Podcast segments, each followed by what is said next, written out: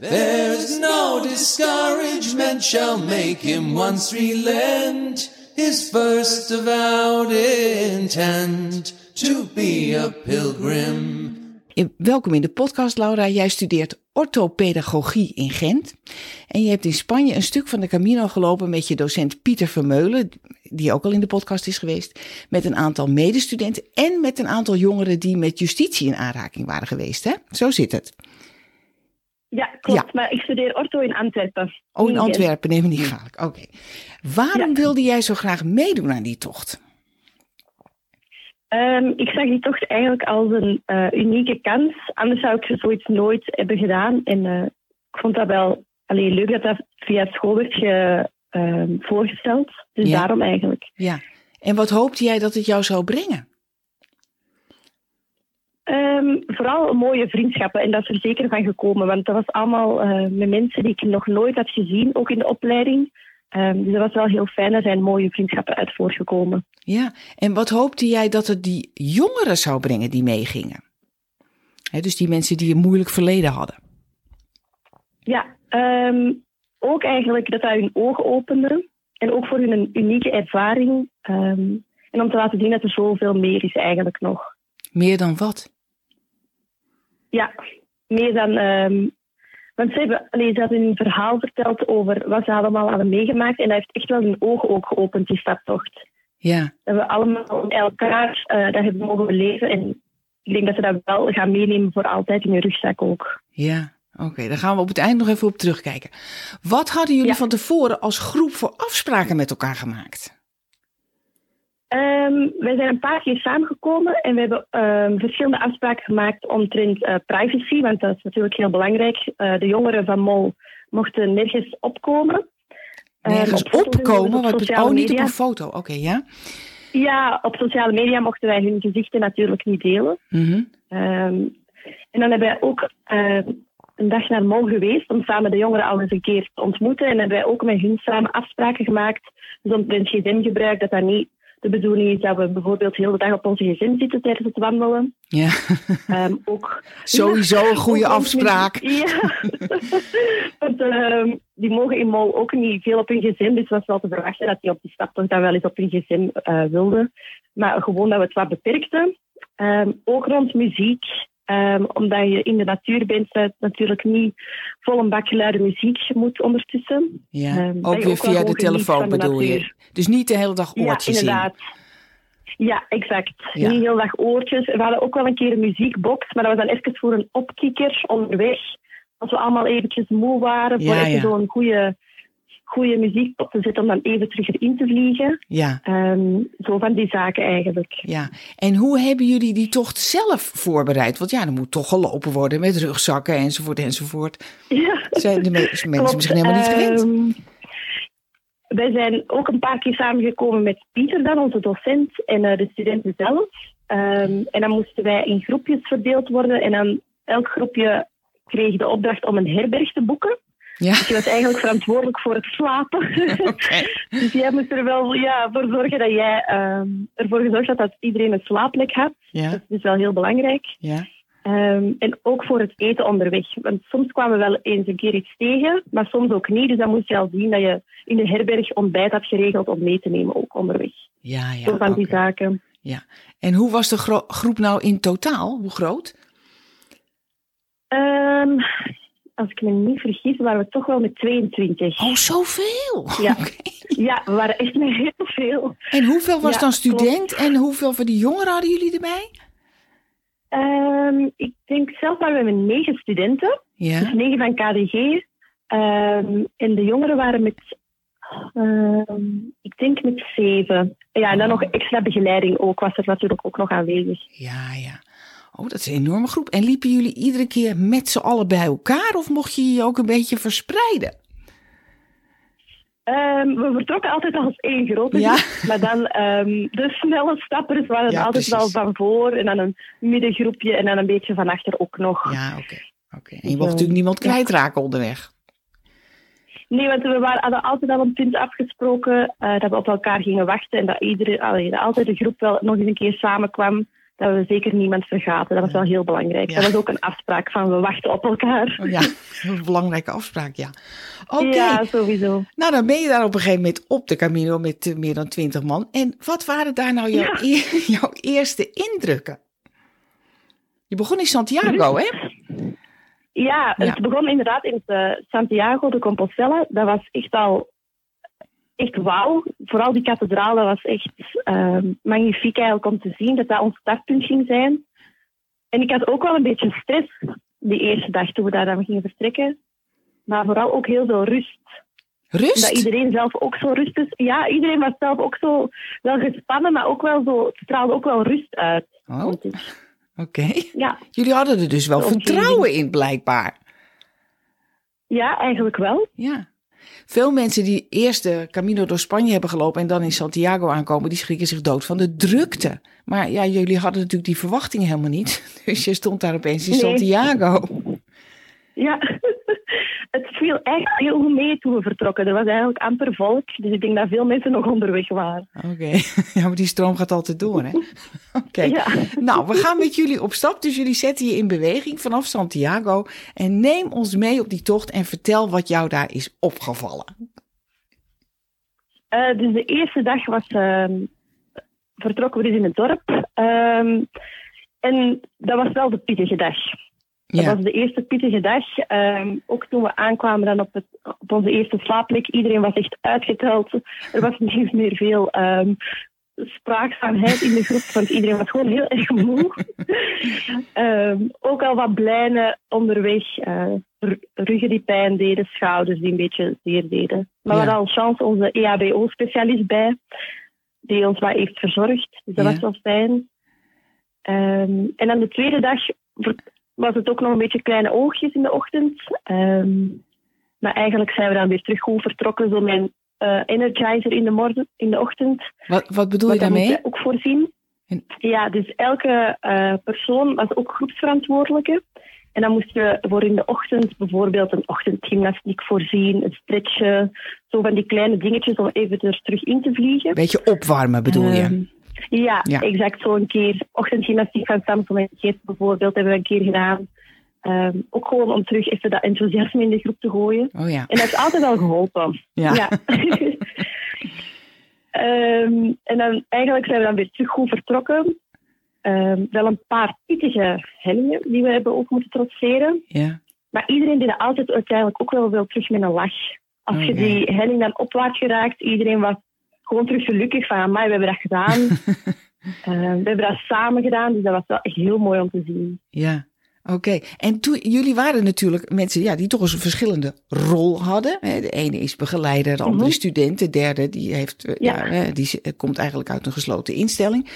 Werden jullie nou ook één geheel of bleef je toch die verschillende groepen, bleven die een beetje apart? Ehm, we ze eigenlijk één geheel. En ik Ja. vond dat eigenlijk zo mooi om te zien, want ook die eerste dag werd je eigenlijk gekoppeld aan iemand. Dus Aha. eigenlijk een soort buddywerking. Ja, Ehm, dus iedereen kreeg iemand toegewezen, dat was echt uit random gekozen. ja, En ik, had, eh, ik werd gekoppeld aan een jongere uit, eh, uit de instelling in Mol. En eigenlijk heel die wandeling zijn wij ook echt naar elkaar toegegroeid. En dat met iedereen eigenlijk. Dat was zo mooi om te zien. Je kon op elkaar terugvallen. Je kon bij elkaar terecht voor een babbel, ook voor een luisterend oor. Dat was echt ja, heel mooi om te zien. ja. Dus dat was een steengoed idee. Doordat, doordat jullie gekoppeld werden, had, je meteen, een- had iedereen een maatje en was, was het verschil eigenlijk weg. Je was gewoon maatjes van elkaar Ja. geworden. Ja, ja, oké. Klopt. Ja. Ja, ja.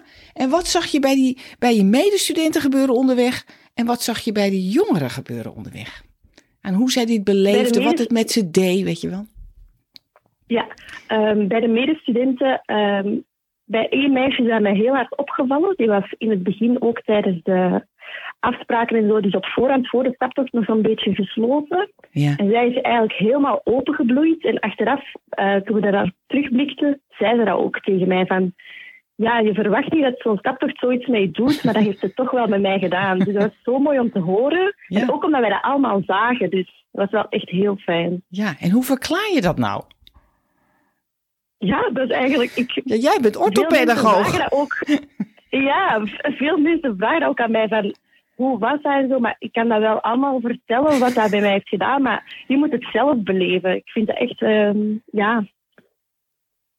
Ja, je moet dat zelf meemaken, zoiets. Dat doet echt wel iets bij u. En Dan ik snap ook in je het. van, boah, dat zal wel meevallen. Ja, maar je moet het zelf inderdaad doen. En dan ga je het echt wel snappen wat ik allemaal vertel.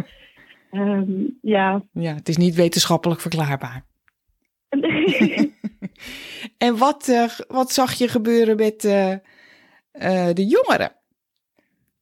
De jongeren, ehm, in het begin waren die ook nog zo'n beetje terughoudend natuurlijk, maar dan met die buddy-koppeling zag je ook al dan, oké, hè, dat komt hier wel goed. Die waren dan ook al wel wat open, er waren ook kennismaking met elkaar.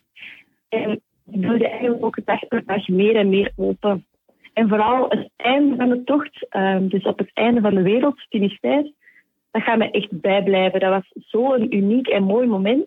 Dus iedereen moest een steentje nemen Mhm. en ehm, vertellen wat je hier achterlaat op het einde van de wereld. En Oh. moet je dat in het midden van de groep gooien.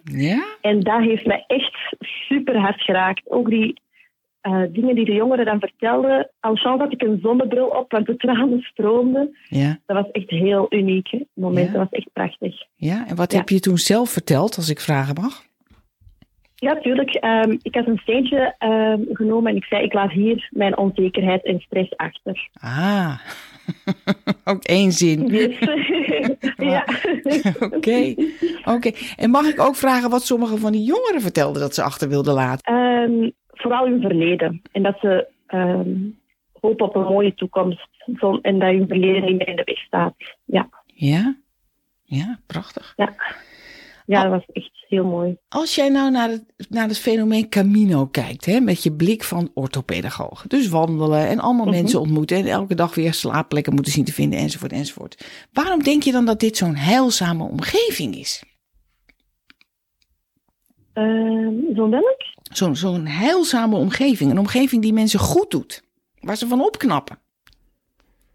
Omdat we dit allemaal echt samen doen. We hebben nooit iets alleen gedaan. We hebben wel ehm, andere mentale paden bewandeld. Maar uiteindelijk hebben we toch deze weg samen afgelegd als één groep. Als, zorgen, als een zorgenteam eigenlijk ook voor de jongeren. Oké, waar- waarbij je eigenlijk allemaal gelijk bent, want je bent pelgrim. Ja, exact. We waren allemaal gewoon gelijk. Precies, dus al die scheidslijnen vallen weg. Ja, dat vond ik echt. Dat viel zo hard op. We waren gewoon één hechte groep. Ja, en, en dat doet dus blijkbaar iets met mensen. Ja, En wat dan precies? Je, kan, ja, je, moet, je moet op die tocht inderdaad kunnen rekenen op elkaar. Want dat is niet zomaar eventjes gaan wandelen. Mhm, Dat is toch wel ook een intense tocht. 20 kilometer per dag. Ja, Dus je moet echt op je mede-mensen kunnen vertrouwen. En dat konden wij echt in deze groep. Het was een hele grote groep, maar iedereen kon bij elkaar terecht. ja, ja. Ja, geweldig hè? Ja. Ja, Denk je dat het voor eh, meer dingen, eh, opvoedingsproblemen, een oplossing zou kunnen zijn? Zo'n Camino? Ja, ik denk dat eigenlijk wel.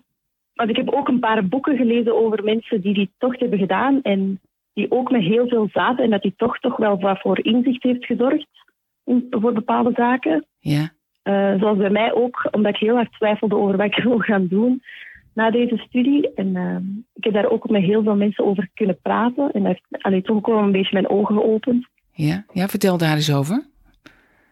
Ehm, ja, ik ben nogal een, ehm alleen een perfectionist, dus ik wil graag de juiste keuzes altijd maken. Eh, maar daardoor twijfel ik ook heel veel, dus Ja. keuzes maken is heel moeilijk. en ehm, er zit zoveel in mijn hoofd van wat wil ik nu doen na deze studie. Ehm, en vooral politie worden zit in mijn hoofd. Ja. Ehm, Dus bij de politie werken bedoel je? ja, Ja. bij de politie werken. En dan afdeling jeugd, dus Mhm. voor jeugdcriminologie. En veel mensen ehm heb ik daar mee over kunnen praten. En die zeiden ook van ja, je moet gewoon doen waar jij je goed bij voelt. En als dat echt iets is, je roeping, dan moet je dat gewoon gaan proberen. Ja. Maar waar zat dan jouw aarzeling? Dus, ja, gewoon de twijfel van ga ik het, is het wel goed genoeg? Ga ik dat wel Oh. goed genoeg kunnen? Ja, ja. Ja, zo. ja, ja. En, en hoe denk je daar nu over? Ik moet die sprong wagen. ja. Ja, dan moet je Dat toch wel wat je ook kiest. Ja. ja. ik moet het gewoon echt doen. Ja, en dat ga je dus, zoals het er nu op lijkt, ook doen. Je gaat dat gewoon proberen. En Ja. ja. Ik ik ga het gewoon proberen. Prachtig. Wie En die, waagt, wint. precies. En die moed die is dus wel een beetje door die Camino in jou gekomen. Ja, eigenlijk wel, omdat ik daar met heel veel mensen, met heel veel verschillende mensen ook heb over kunnen praten. Ja. Ja, en op de Camino gebeurt dat gewoon, hè? heel spontaan, makkelijker dan in de gewone wereld. Ja, eigenlijk wel, dat is heel straf. Ja, heb je daar een verklaring voor?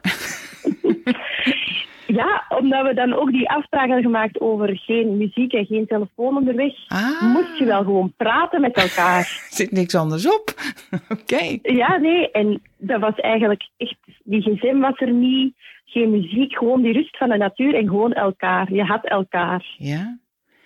En nou ja, dan heb je dan zo in zo'n paradijselijke omgeving rondgelopen. Hè? En opeens ben je Mhm, dan weer terug in, klopt. in België of in Antwerpen. Hoe was het om weer terug te zijn in de gewone wereld?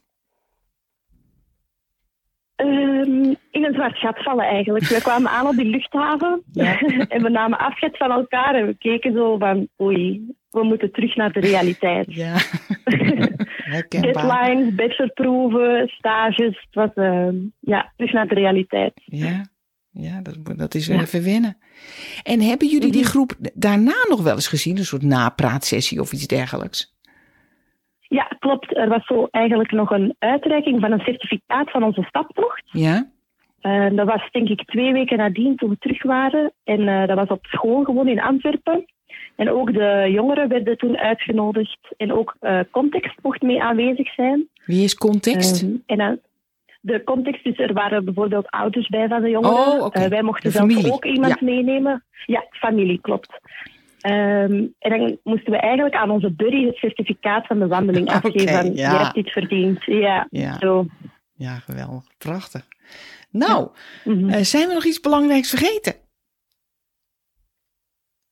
Ja, dat ehm, ik jullie wel kan begeesteren, maar dat jullie het eigenlijk zelf moeten doen, de staptocht. Nou, via deze podcast zal ik dat dan doorgeven. Dank je wel. Kijk goed. Graag gedaan. Who would true valor see? Let him come hither. One here will constant be, come wind, come weather. There's no discouragement shall make him once relent his first avowed intent to be a pilgrim. Whoso beset him round with the dismal stories do but themselves confound. Wil je meer weten over de Camino? Kijk dan eens op de website van het Nederlands Genootschap van Sint-Jacob, www.santiago.nl. Suggesties voor deze podcast kun je mailen naar mij, post.johannakroon.nl. En als je deze podcast interessant vindt voor je vrienden, zou je er dan op Facebook een berichtje aan willen wijden. Het lied dat je hoort is een Engels pelgrimslied uit 1684, getiteld Who Would True Valor See, gezongen door Alistair Thompson op zijn CD Log Rise Revisited. Tot de volgende keer. Who would true him come hither. One here will constant be, come wind, come weather.